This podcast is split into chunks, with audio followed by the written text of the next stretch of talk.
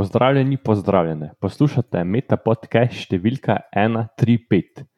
Goste navdihujoče in do tega trenutka nekonvencionalno prebrane epizode je Žan Mlakar, socialni psiholog in doktorski študent na Univerzi Groningen. Živijo, Žan, kako si? Živijo, dobro, hvala. Uh, sem zelo vesel, da si se odzval v Bilu in še bolj sem vesel tvojega prispevka v Nature. Čestitke. Ja, hvala, hvala. hvala. Uh, kako bi v desetih besedah opisal temo, ki ste jo naslovili, da bo en tak super clickbait, pa vodna motivacija za vse poslušalke, poslušalce, da ustrajajo do konca v pričakovanju podrobnosti? Uh, v, tak, v enem stavku bi rekel, da smo preučevali, kako enostavne osebne motivacije oblikujejo spreminjanje socialnih konvencij na družbeni ravni. Tak, v bistvu, upam, da je to dovolj clickbaiti. Uh, Uh, ja, bomo naredili, da bo. Uh, torej, če uh, poskušam uh, narediti ključne besede, da bo še bolj klikbejti, uh, so mogoče to ekonomija, psihologija, vedenske značilnosti, eksperimenti. Ja, ja, tako je. Tako je Jaz mislim, sam sebe, če običajno predstavim kot socialnega psihologa, ker mislim, da to nekako um, celotno, celotno povzame področje, na katerem delujem raziskovalno. Uh, še eno pod vprašanje. Uh, a smo prvi gostitelji, ki smo te povabili v goste? Po tako odmevni objavi. Imel sem en intervju za svojo fakulteto, za blog, ki ga tu piše na fakulteti o objavah pomembnih, ampak um, razen tega ste prvi. Ja. In um, si štejem v čas, da lahko tukaj delim tudi kaj o svojih raziskavah na vašem portalu. O, mi, mi pa tudi, najlepša hvala. Okay. Zdaj pa do diplomski študij si zaključil na Filozofski fakulteti Univerze v Mariboru in sicer na oddelku za psihologijo. Kaj te je takrat zanimalo? Uh, ja, marsikaj, v bistvu, pravici povedano. Ampak nekako moja največja fascinacija je v bistvu več čas tekom študija bila z, v eksperimentalni psihologiji, torej v eksperimentih. Ker v bistvu pač v tem, kako lahko z nekimi enostavnimi eksperimenti v nekem stabilnem, sterilnem laboratorijskem okolju naučimo dosti o človeških odločitvah, o človeškem vedenju in različnih motivacijah, ki nas pač vodijo v vsakodnevnem življenju. Tako da v bistvu, v bistvu se mi se mi zdi, da smo nekako tako, veš, med svojim dodiplomom, nekako tako naivno, mladostno gonijo po odkrivanju nekih splošnih zakonitosti človeškega vedenja, če smem uporabiti tako močno besedo v socialnih znanostih. Um, tako da sem mislil, da to neko eksperimentalno okolje vedno bolj tako tak zelo, domačno, no, pač, ker sem videl, da to nekako vodi do nekega konkretnega, um, skoraj da eksaktnega znanja. No. Um, Kar se tiče nekih specifičnih področij psihologije, pa me več čas pritegne nekako um, tak, ta tradicionalna socialna psihologija, recimo pač te, te, te več klasični eksperimenti, pa to, ki so, ki so zelo znani in odmevni bili v zadnjem stoletju, in pa drugi strani ta neka vedenska um, ekonomija in stvari vezane na človeško odločanje znotraj tega. To so pač ti, recimo, neke bolj moderne stvari zadnjih uh, desetletij. In pač, v bistvu, v bistvu več čas me pač pritegnilo to pač v bistvu samo razumevanje tega, kako kako ljudje sprejemajo odločitve in v bistvu pač, kake, pač kakšne neke procesi se nam odvijajo in pač v, v glavi in podobno, da, ki, ki nas pač vodijo do tega, da sprejemamo neke specifične odločitve. Eh, zatem pa si se odločil za študij v tujini. Zakaj in če se ne motim, celo dva magisterija si potem eh, na, naredil. A je bila tema zanimanja ali, ko, ali okolje tista ključna prelomnica pri tvoji odločitvi? Um, v bistvu, uh, Povrežen na študij v tujini je nekako vedno bil moja želja. Tudi, uh, že ko sem bil, mislim, že ko sem končal z osnovno šolo, sem bil prepričan, da hočem študirati v tujino, ker me nekako, nekak, ne vem, sem se čutil, kot da pač Slovenija, kak, pač, kolikor je pač vse le bil nek varen domačen prostor, pa se mi zdela premajhna za mene. Mislim, da to ful arogantno zveni, ampak tako vedno sem se počutil, kot da je še nekaj več tam zunaj, kar hočem odkriti, kako bi rekel. In mislim, sem vedno imel to neko željo po študiju v tujini. Um, Zdaj, specifično za to, kaj sem se odločil, pač za kje bom študiral in pač kakšne teme, pa bi bila kombinacija tako zanimanja kot okolja. V bistvu. um, torej bil sem prepričan, da si želim študirati neko verzijo vedenske ekonomije ali pa neke študije človeškega odločanja, kot sem omenil um, ki je sicer fully raziskovano področje v teh časih, ampak še vedno je pač zelo malo pač programov, ki bi se zelo fokusirali pač samo na to specifično področje, ker pač vseeno, konec koncev, je to tako zelo, ne vem, ja, kako bi tem rekel, nišna, ni, niša ali kako tipo, tipo področja ali nekaj takega. Um, In v bistvu pač ni, ni, pač ni tako veliko študijskih programov, ki se fokusirajo specifično na to. in pač sem v bistvu našel samo dva programa, nekakšne ekonomske psihologije, ki sta nekako ustrezala mojim interesom, in oba sta bila na nizozemskem, en v Leidenu, pa en v Tilburgu. Um, kar bi bilo za mene perfektno, no, ker pač po drugi strani pač sem si v vsakem meru želel na nizozemskem, no, ker sem večkrat že bil, jo obiskal prej in pač se mi je tako, vedno sem se vredno počutil, ko sem bil tukaj.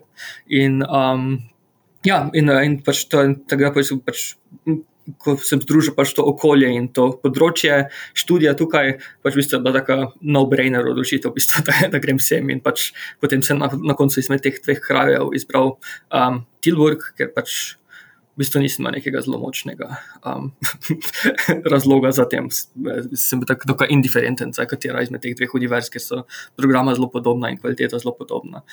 Um, ja, pa ko sem končal svoj prvi magisterij v Tilburgu iz ekonomske psihologije, Pa sem v bistvu še šel en magisterij delati, kot si omenil, ja, kar se ni kot malo um, overkill, kako bi to rekel.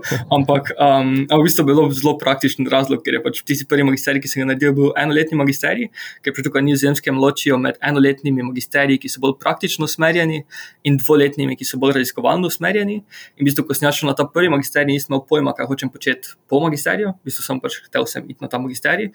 Um, in potem sem v bistvu odkril pač tekom magisterija, da v bistvu hočem iti na doktorat dalje. In potem, sem, potem v bistvu bilo dokaj težko dobiti doktorat brez raziskovalnega magisterija. Ker pač, um, ja, ker pač so vsi doktorati, doktorski študiji dokaj zelo tako zdizajnirani v to, da pač imaš kar nekaj teh raziskovalnih skilov, ko prideš na doktorat, ki jih pač sam nisem imel, ker sem pač navaden magisterij naredil. In v bistvu sem se zato pač v bistvu še odločil, da bom še drugi magisterij opravil, da, da me pač pripelje nekako do doktorata. Razumem, ja, zanimiva pot in očitno ravno prava super kombinacija. S čim se ukvarjaš v svoji doktorski nalogi in kako ti pride prepletanje teh različnih pogledov, ki si nam jih predstavil? V svojem doktorskem študiju trenutno nekako delam na dveh različnih projektih. Um, uh, prvi, prvi je o druž, družbenih spremembah in o tem, pač, kako različni faktori vplivajo na potek in hitrost družbenih sprememb. In pač del tega projekta je tudi ta članek v Nature, ki je bil objavljen prejšnji mesec. To je nekako glavni gonilni kon, trenutno, katerim, na katerem večino časa preživim. Um, drugi projekt pa je v bistvu tako drugačna smer, ki je v bistvu bolj ta neka evolucijska psihologija, ki se v bistvu ukvarjamo s tem, kako je odkot izvira človeško, človeško stremenje po konsistentnem obnašanju. Torej pač že desetletja opazujemo v psihologiji, da pač se ljudje imajo zelo močno potrebo po tem, da se obnašajo konsistentno tekom časa, da pač ohranijo isto vedenje. Ne? In um, v bistvu pač tukaj v tem projektu se ukvarjamo s tem, uh, da poskušamo pokazati, da je v bistvu pač to konsistentno vedenje evolucijska adaptacija, ki človeški vrsti omogočala, da bolj enostavno med seboj komunicira in koordinira drug s drugim. Um, tako da to sta glavna projekta, s katerimi se ukvarjam in v bistvu, kako so mi ta znanja, ki sem jih zdaj dobil, pomagala pri tem, je v bistvu. Um, pač, mislim, da ti neki različni pogledi, ki sem skozi te različne študijske smeri prejel, um, sem predvsem dal neko širino, ki mi zelo omogoča, da lažje sodelujem v teh interdisciplinarnih projektih. Pač sploh ta recimo prvi projekt, ki smo ga zdaj objavili. Um, pač imamo skupino sedmih ljudi, od tega smo trije socialni psihologi, en ekonometrist, dva fizika, pa en matematik kar pač je tako zelo varirana kombinacija različnih, um, različni, različnih backgroundov, ki jih imamo. In pač se mi zdi, da skozi pač vso to širino, ki sem dobil skozi to dansko, je fulažje komunicirati z ljudmi iz drugih disciplin, zaradi tega, ker pač ma, sem, sem rahlo podkovan v teh nekih bolj bolj filozofsko usmerjenih, sociološko usmerjenih pač pogledih znotraj psihologije, pa tudi v teh bolj matematično podkovanih, pač teh bolj ekonomskih pogledih. In mislim, da pač ta kombinacija mi kar pomaga, da, um, ja, da, da lahko govorim isti jezik, kot se mi zdi, da veliko drugih raziskovalcev, s katerimi sodelujem. No. V zadnjem času se zdi, da so ravno taki multidisciplinarni timi eh, nek odgovor na to, kako pravilno ali pa uspešno naslavljati znanstvene vprašanja. Tako da eno pod vprašanje na to temo, kako je delati v neki večji skupini, v primerjavi s tem, ko recimo sam delaš vse, recimo od raziskovanja, pisanja članka. Uh, v bistvu bi rekel, da je uh, v nekih aspektih boljše, v nekih aspektih pa tudi bolj um, izzivajoče, challenging. Um, ja. um, je, v bistvu pač zelo, zelo v pomoč pride to, da pač lahko veliko bolj razmišljaš, kako bi ti rekel, out of the box, kot v nekih projektih, v katerih si sam. Ker v projektih, v katerih si sam, vsaka ideja, ki jo dobiš, glede svojega raziskovanja, boš jo mogel sam izvesti. In če se zavedaš, da nimaš pač nekih spretnosti, ki jih rabiš, da nekaj izvedeš, vsaj osebnost se bom veliko manj verjetno tega loto, bom lepo iskal pot, ki si jo zmožen samo praviti. Nekaj, če imaš taki zelo multidisciplinarni tim, pač lahko je veliko lažje, veš, vse ideje pač vržeš v eter in potem pač vidiš, kaj. Kaj, kaj bo ostalo tam, in kaj ne bo. pač, tak, tak, pač, ljudje so pač precej bolj komplementarni, je, kaj, kakšne stile imajo ljudje in pač kako, um, kako pristopajo k raziskavam. In mislim, da iz tega pač pride lahko neke zelo dobre, zelo dobre ideje, ven zaradi tega, ker pač se vidi, da si lahko vsi, pač, ki so v tem timu, dovolijo, da pač razmišljajo znotraj nekih stvari, v katerih, katerih se drugače najverjetneje ne bi lotevali sami. Um, Ta negativna plat pa je, mislim, kot v vsakih velikih timih, pač koordiniranje vsega skupaj. Ker pač, um, um, mislim, sploh v akademskem svetu, kjer so, se mi zdi, da si zelo konstantno busy in imajo full dela in tisoče sestankov in vsega. Je, že samo to, da, da se sestanek z sedmimi ljudmi organiziraš, se zdi, kot da pač vem, kot da bi pač, vem, eh, pristanek v Normandiji poskušal organizirati praktično. Tako tak da, tak da pač, ja, vsi, vsi challenge, ki pač so vse le pri skupinskem delu, seveda obstajajo tudi v takih raziskovalnih projektih z veliko kolaboratorji. Ampak kot očitno, pa več kot očitno je, da je to očitno recept do uspeha in sedaj še končno vaša objava, zakaj gre malce več kot tisten stavek za uh, clickbait. ja, ja, ja. Tako da, ja, um, najprej je rekel, da se fulstrinjam s tem, kar si pravkar rekel, ker pač um, res se mi zdi, da, da, da znotraj ene discipline zelo težko prideš do takih stvari, kot lahko pač tem multidisciplinarnimi zadevami. No, tako da, um, ja, se, sem zelo vesel, da smo uspeli ta članek objaviti. No, kot, uh, Vse meni, meni osebno pač je kot, ne, kot nek dokaz tega, pač kaj je mogoče narediti, če imaš tako fajn multidisciplinarno ekipo. Um, Zdaj, o čem pa je članek sam po sebi? Pa, um, v bistvu enostavna ideja je, da preučujemo, kako se socialne konvencije spremenjajo. In v bistvu pač tipični primer socialne konvencije so recimo načini pozdravljanja. Torej, pač kako se pozdravimo, ko se vidimo na cesti, če se rokujemo, če si s pestmi skupaj udarimo, z komolci, kar je zadnji čas postalo relevantno med korono, in tako dalje. Pač zelo veliko različnih načinov obstaja. In pač kaj, kaj je glavni ideja konvencije, je, da pač vsi ljudje, um, da v bistvu se pojavijo v, pojavijo v situacijah, kjer vsi hočemo koordinirati na nečem, ampak nam je vseeno, kaj je pač ta opcija, na kateri koordiniramo. In potem v bistvu konvencija služi kot, nek, kot neka smernica za to, da vemo, pač kaj vsi počnemo. Torej, tip, zelo tipičen primer konvencije, ki je tudi vedno uporabljen, na kateri strani ceste vozimo. Pač v bistvu vseeno, če levi ali desni strani ceste vozimo, pomembno je samo, da smo vsi na isti strani ceste, ker drugače pride do težav. Um, in v bistvu potem. Glede na, pač, glede na to, pač se, pač so te tipično so, so konvencije zelo stabilne tekom časa, ker pač če bi ljudje naenkrat začeli vsi voziti na drugi strani ceste, bi bila težava, ker pač se zelo težko prilagoditi novim konvencijam. Ampak vseeno pa se opazi, da se včasih konvencije spremenijo. Um, recimo način pozdravljanja, kot smo omenili, pač rokovanje je praktično izumrlo v zadnjih dveh letih, um, medtem ko se pač ljudje naenkrat vsi začeli se s komolci skupaj udarjati. Um, Mi smo pač naše vprašanje, s katerim smo se ukvarjali, je v bistvu pač. Um, kak se, pač, kako, pač kakšni psihološki mehanizmi mogoče ležijo za tem in določajo, kdaj, bo, kdaj in kako hitro se bo konvencija spremenila, ali pa se ne bo. Ne. In zdaj, ta primer, ki sem jaz podal z tem spremenjanjem, kako se pozdravljamo. Um, Tukaj je neki eksternalni šok, ki pač v bistvu spremeni zadevo, ampak mi se bolj osredotočamo na situacijo, kjer je v bistvu neka manjšina, ki se odloči, da mi še več ne želimo slediti tej konvenciji in se začne obnašati drugače. In potem v bistvu nas zanima, zatem, ko ta manjšina obstaja, kako dolgo traja, da se pač ostali ljudje pridružijo v družbi, da tudi ostali se začnejo na nov način obnašati, da se začnejo um, s, komolci udarjati na mesto rokovati. Recimo, In zdaj, recimo, pa, če dam druge primere, kom, recimo, spremembe konvencij, ki so pač tako zelo pogosto, pač tak, no, da, da pač malo bolj feelinga, pač o čem danes govorimo. Se recimo, pač, vem, če, govorimo, če govorimo o dress codih pa, oziroma način, stilih oblačenja. Pač to so tudi konvencije, ki pač obstajajo zato, da pač ljudje se počutijo udobno v tem, kako se oblačijo v javnosti ne? in ki se zelo spremenjajo tekom časa. Ali pa konec koncev jezik kot takšen, ki ga uporabljamo, besede, ki jih uporabljamo. Jezik se vse čas evolvira, vse čas spremenja in vsaka beseda beseda je zgolj konvencija, ki jo imamo o tem, o, o tem, kaj, kaj, kaj, kakšno, kakšno um, kak smisel pripisujemo tej besedi, kako pomenimo ta beseda. Pač vse te stvari pač so recimo, sprem, pač, eh, pač tak, taki zelo primeri tega, nekih stvari, ki se spreminjajo. Um, Pogosto v družbi, in pa tudi pač, um, kar hitro, običajno, ko se spremenja. Um, in v bistvu potem, uh, ja, in potem v bistvu pač, kako smo se lotili tega, je, da smo imeli eksperiment v laboratoriju, um, kjer smo v bistvu rekre, pač imeli neko igro, znotraj katere smo enostavno rekreirali ta proces.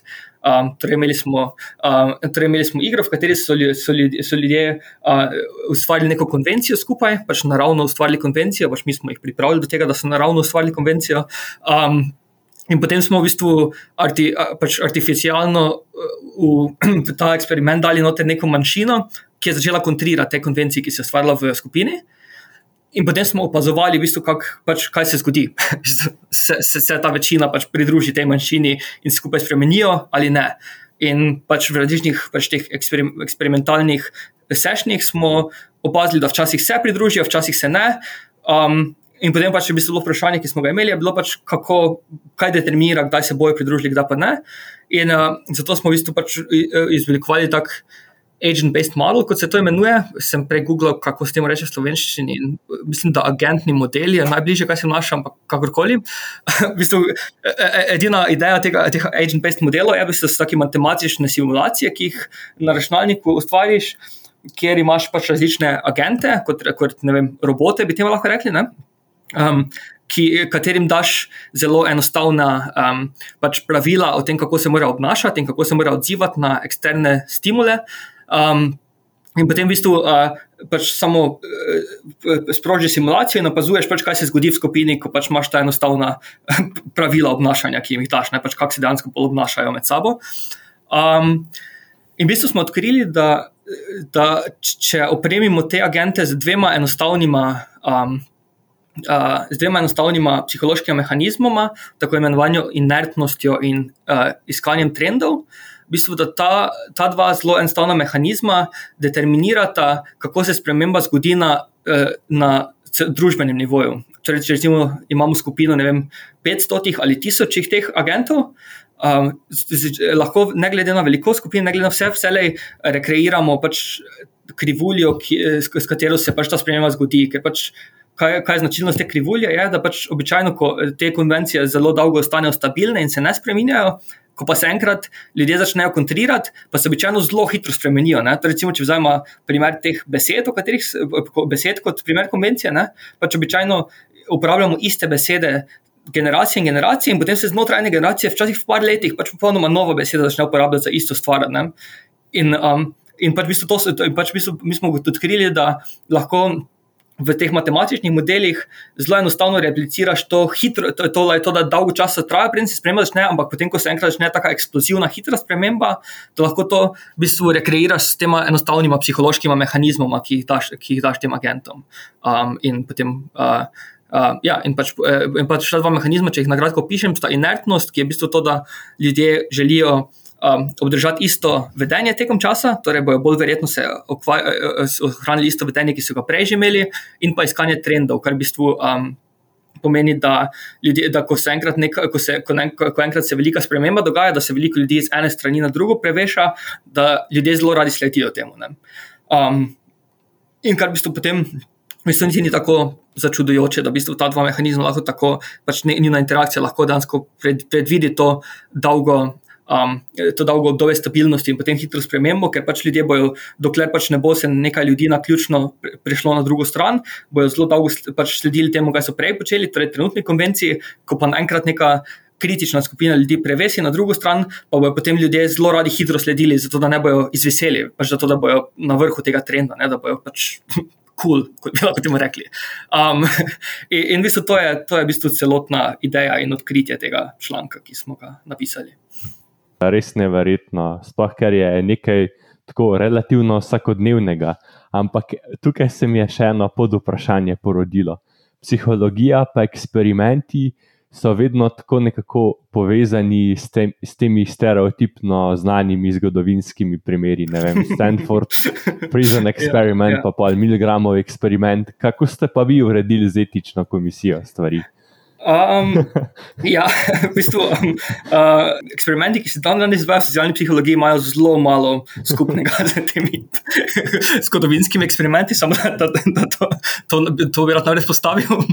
torej, moramo slediti zelo, zelo strogim etičnim kodeksom in dobiti zelo veliko etičnih aprovalov, pred lahko karkoli naredimo. Um, v bistvu pač edina, edina stvar, ki je dan danes pogosto težavna v psihologiji, je um, to, da v veliko eksperimentih zavajamo uh, naš, ljudi, ki sodelujejo v eksperimentih, glede tega.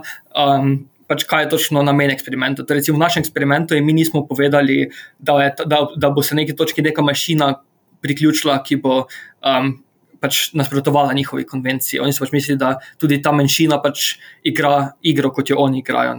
Um, In recimo to je pač zelo pogosto pač, lahko problematično v psihologiji, ker pač recimo v ekonomiji sploh ne uporabljajo tega zavajanja, je zelo strogo prepovedano. Ne? In pač to je tako ena, eno sivo etično območje, ki je zelo pogosto dan danes uporabljeno v psihologiji in ki veliko ljudem ni všeč, ampak po mojem mnenju, je to pogosto, pogosto potrebno. Ker pač, če ljudem poveš vse, kar se bo zgodilo, boš zelo težko dobil kakšne koli zanimive rezultate. Pač včasih pač jih moraš zavesti. In seveda, pač, da dobimo etično, pač, etični approval za vse te zadeve, pač jim na koncu moramo povedati, kaj se je v bistvu zgodilo dejansko in pač, kaj bi namen eksperimenta in vse. Ampak, Pogosto jih zavedemo v začetku. In, ja, tako da to je recimo tako en e, e, etični aspekt, ki je problematičen včasih. V navezavi na stvari, ki si jih omenjal, kako se spremenjajo neki družbeni konsenzi, recimo, ko močkanje je sedaj zgodovinsko relativno bilo že uveljavljeno, ampak je sedaj uveljavljeno za pozdravljanje. Kaj je pa to družbena difuzija, če lahko na tak način sploh postavim vprašanje? Torej, v bistvu družbena difuzija je tako širši koncept kot zgolj pač to spremenjanje konvencij. Lahko se pač tudi, recimo, ko govorimo o nekih inovacijah, ki se širijo v družbi, naj recimo, da vem, novi, novi tehnološki napredek zgodi, ali pa recimo nekih normah, ki se spremenjajo. Um, pač vse, vse te stvari so družbena difuzija. Vse le, ko se neko novo ali vedenje, ali neki novi produkt, ali, ali, ali neka nova ideja, pač karkoli se pojavi v družbi, ne? in difuzija zgolj pač opiše proces tega, da se to širi tekom ljudi pač difuzija zgolj pač širjenje, ko pač vedno več ljudi, um, pač vedno več ljudi se udestuje v nekem vedenju ali pa pač um, ima, drži neko idejo ali kaj podobnega. Pač to, je, to je pač zgolj, zgolj, zgolj to, kar opiše. Ne? In v bistvu pač to, recimo, kar smo imeli mi v naših eksperimentih, kjer smo imeli to manjšino in potem večino, ki se jim je pridružila, ne difuzija, v bistvu bilo to, ko se pač, ko se pač med to večino razpršila. Ta, um, ta, ta, to novo vedenje, ki, smo, v, ki, smo ga, um, ki, ki, ki ga manjšina predstavlja v, uh, v sistem. Zdaj pa še en časovni skok. Kot študent eh, si v Mariboru bil aktiven v sooblikovanju dejavnosti psihološkega društva, bil si tudi predsednik študentskega sveta. Kaj te je motiviralo za to vrstni angažma in ali si tudi v tujini aktiven v podobnih organizacijah? Um, v bistvu, kaj me je nekako Eh, motiviral, da sem se udeležil v tovrstnih aktivnostih, je bila neka ta želja po izoblikovanju samega sebe. V bistvu, ko sem prišel na do diplomec, v bistvu sem, um, sem bil zelo radoveden, ampak pač nisem imel še nekakšne izoblikovane slike, kaj v bistvu počnem tam, oziroma kaj si želim početi v življenju znotraj tega.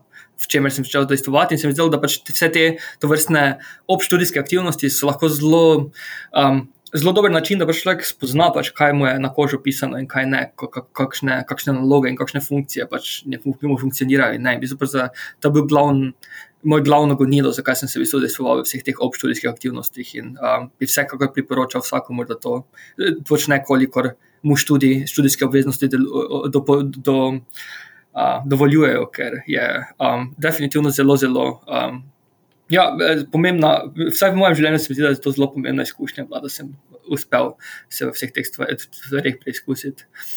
V bistvu v tujini, pa ko sem prišel sem, pa pravice vedno sem se manj v to vrstne stvari spuščal.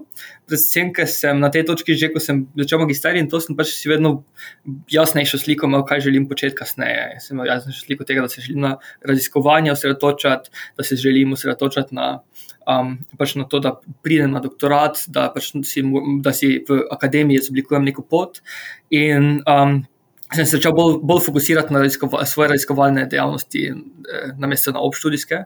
Tako sem recimo že pač, recimo lani sem objavil svoj prvi članek, ki je bil bila moja magisterska naloga v Tilburgu, tri leta, štiri leta nazaj, ki sem jo napisal. Um, ki, mislim, malo nadgradnja, nad, nadgradnja tega je bil ta članek, seveda.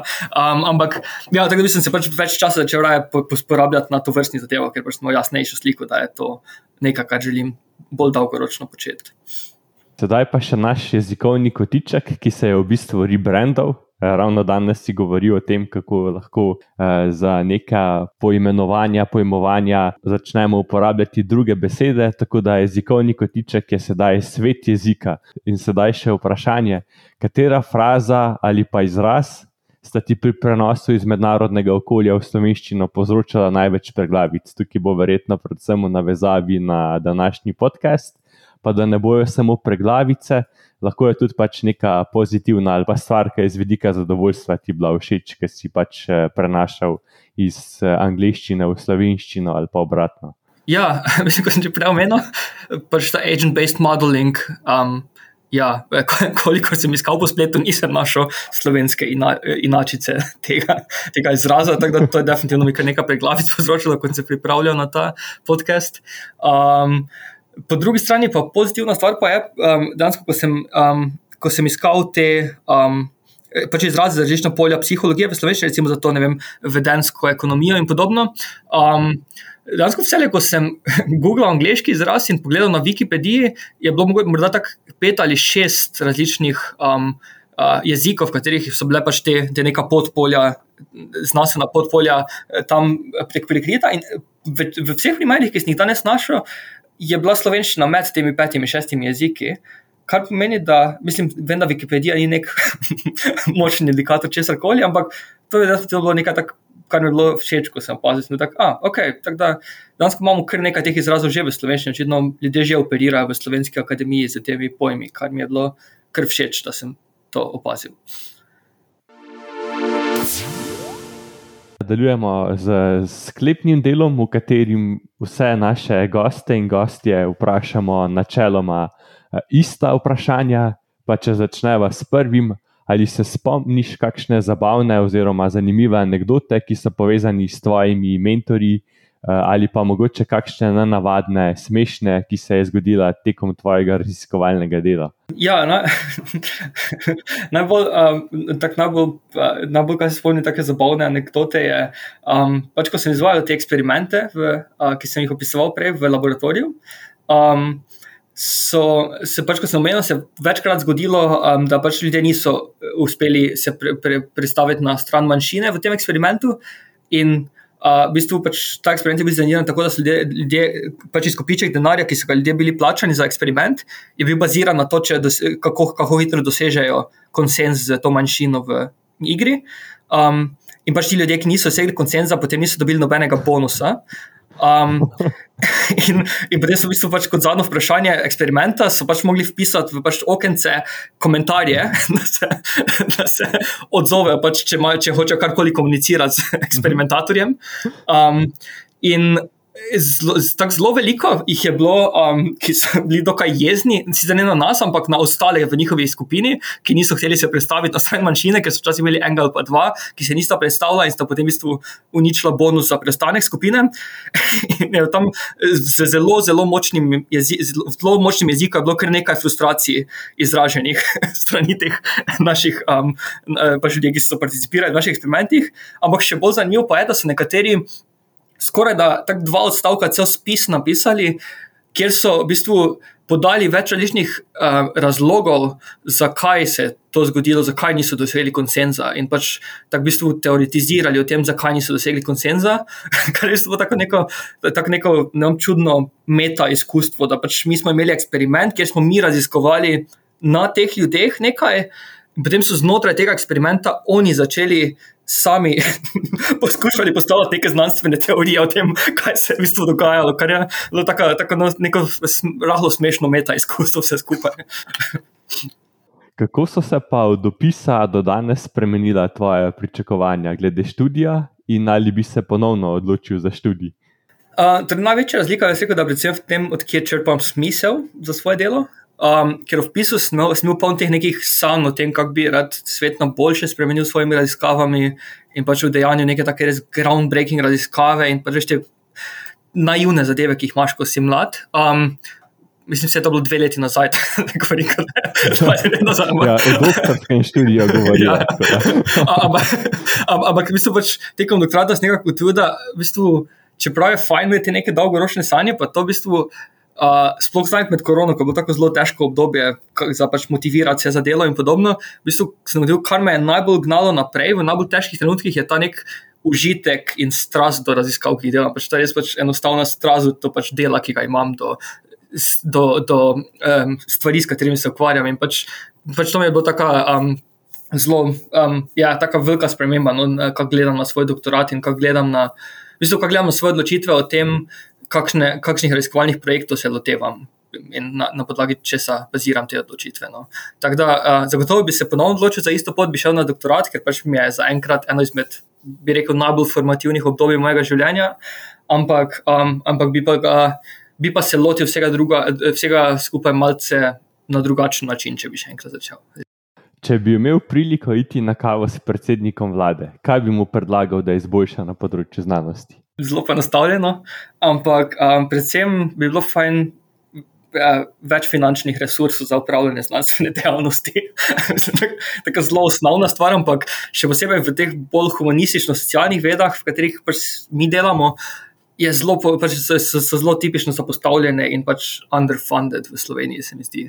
Um, in sploh pač, ko opazujem to svoje raziskovalno delovno okolje na nizozemskem, pač res opazim, koliko več lahko raziskovalci naredijo, če imajo zadostna sredstva za svoje delo. Tako da, pa, pač zgolj, da se ne rabiš več časa ukvarjati s tem, da zdaj bi ta eksperiment izvedel, bom uspel najti, ne vem, tisoč evrov, da izvedem ta eksperiment. In pač to je take vsakodnevne zadeve, da pač so neke te osnove, ki jih rabiš za uspešno raziskovalno delo, pač zagotovljene in zdi se mi, da pogosto v Sloveniji niso. In kar se mi zdi, če bi bilo to zagotovljeno, bi danes lahko vse skupaj se v Sloveniji razvijalo veliko hitreje, kot se trenutno. Ja, ker tukaj je zelo zanimivo, da veliko ljudi uh, sprva pomisli na sredstva, ampak ti si pravzaprav pokazal ta pomen, ker v bistvu tudi uh, finančni okvir oblikuje raziskovalno miselnost. Ne? In če ti v začetku izhajaš iz neke vede, ki je podhranjena, avtomatsko se že v glavi omejiš, da pač takih raziskav pač si ne moreš niti prvoščiti, kaj šele, da bi o njih razmišljal, pa jih začel dejansko raziskovati. Ja, ja točno tako. Točno tako. Ja, se zelo strinjam, zato ker recimo, mislim, če, veš, pač, če si hočeš nekaj zelo kompleksnega eksperimenta, lotiš, za, za katerega nisi sicer, da bo deloval, ne? in če ti nimaš zadostnih sredstev, ti boš ti razmišljal o tem, ali se loti tega eksperimenta, ne o tem, kako se loti tega načina, da bo delovalo. Mm -hmm. Kar je pač je. tako zelo, veš, pač zelo drugačno namenjanje kognitivnih resursov raziskovalcev ne, v teh dveh. Um, v, te, v teh dveh scenarijih. Tako da, ja, mislim, da to je zelo velika razlika. Ja. Uh, a bi drugim uh, doktorskim študentkam in študentom predlagal kakšno tehniko za upravljanje s časom, a pa mogoče kakšen računalniški program, ki ti olajša delo in ti prihrani čas? Um, ja, um, mislim, ne vem, kako veliko ljudi to že uporablja trenutno, ampak pač meni je največje, naj, največje odkritje bilo tekom mojega magisterija Mendeli, uh, ki je pač ta program za upravljanje znanstvenih virov, um, ki prihrani na tone časa pri na pravilnem navajanju virov v člankih, pač s temi Word plugini, kjer lahko direktno pač vstaviš stvari noter z dvema klikoma um, in pač zelo olajša nadzor nad članki, ki si jih prebral, ker pač res imaš te PDF dokumente po tisoč različnih mapah shranjene in zdaj pač vse lahko imaš tam na enem mestu zelo lepo organizirano po projektih in vse, kar je tak, um, ja, do, zelo, zelo priporočljiva zadeva no, za prihranjanje časa. Ja, vsekakor. Jaz sem ga prejšnje leto spoznal in sem bil tudi čist navdušen. Zakaj ga nisem prej spoznal? Da, ja. Ja, točno to, točno to. Ja. in sedaj še. Tik preden zaključiva, ali imaš kakšno priporočilo za album, knjigo, igro, film, spletno stran, podcast? Um, ja, definitivno globoko bi priporočal podcast Anthropocene Reviewed um, ali pa knjigo z istim imenom, ki je išla na podlagi podcasta. Um, in recimo kot film bi pa definitivno priporočal Another Round danskega režiserja Tomasa Winterberga, ker mislim, da so to, tak, to so zelo, obe zelo stvari, ki so šle v zadnjih par letih. In se meni sta to taka dva zelo dostopna. Um, Um, zelo dostopna artistična projekta, ki se mi zdi, da sta imela oba veliko srca in upanja za človečnost. Um, in mislim, da v treh trenutnih časih, predvsem, potrebujemo pač točno to, pač neko upanje in stvari, ki nas opominjajo, da smo živi. In, um, ja, tako da, definitivno ta dva bi priporočal. Super, hvala. Povezave boste lahko našli na naši spletni strani. Ja, zdaj smo prišli do konca. Žan, hvala za čas, za prijeten pogovor in lepo zdrav. Hvala tebi, hvala za povabilo. Um, tudi, tudi meni je bilo zelo fajn se malo pogovoriti o teh zadevah. Poslušali ste Meta podcast, v katerem se pogovarjamo z mladimi znanstvenicami in mladimi znanstveniki iz različnih področji znanosti. Podcast domuje na spletišču metinalista.si, kjer najdete tudi druge zanimive znanstvene vsebine. Naše delo lahko podprete z donacijo Metinalisti, pohvale, pripombe in predloge lahko posredujete na elektronski naslov znanost afnametinalista.si. Dobrodošli so tudi komentarji na Facebook profilu Metina Liste in Twitter računu, ki še ni izbrisan. afnametinalista.si se slišimo čez 14 dni.